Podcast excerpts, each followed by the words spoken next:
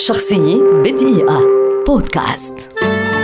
سيرينا ويليامز لاعبة كرة مضرب أمريكية محترفة فازت بالكثير من الألقاب في البطولة الكبرى لكرة المضرب جراند سلام في فردي السيدات بالإضافة إلى فوزها بعدة ميداليات أولمبية ذهبية. ولدت عام 1981 وبدأت تدريباتها القاسية على كرة المضرب من عمر الثلاث سنوات. فازت بالبطولة الكبرى جراند سلام للمرة الأولى عام 1999 وتمكنت من تحقيق فوزها في رباعية البطولات الكبرى عام 2003 حطمت كلاعبة منفردة العديد من الأرقام القياسية كما أنها تعاونت مع شقيقتها فينوس وحققا معا الفوز بسلسلة من الألقاب في زوجي السيدات. في عام 2017 حققت انتصارها الثالث والعشرين في البطولة الكبرى لكرة المضرب في ويمبلدون. لتكون ويليامز قد حطمت الرقم القياسي السابق لعدد مرات الفوز لتحتل المركز الأول في التصنيف العالمي. إلى جانب كل تلك الانتصارات والإنجازات التي حققتها مرت سيرينا بالعديد من الخسارات والأزمات حيث خضعت لجراحة في الركبة عام 2003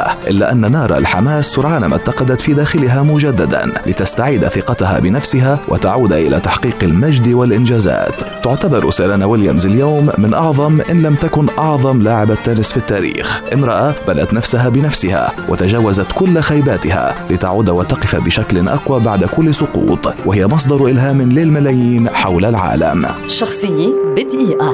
بودكاست.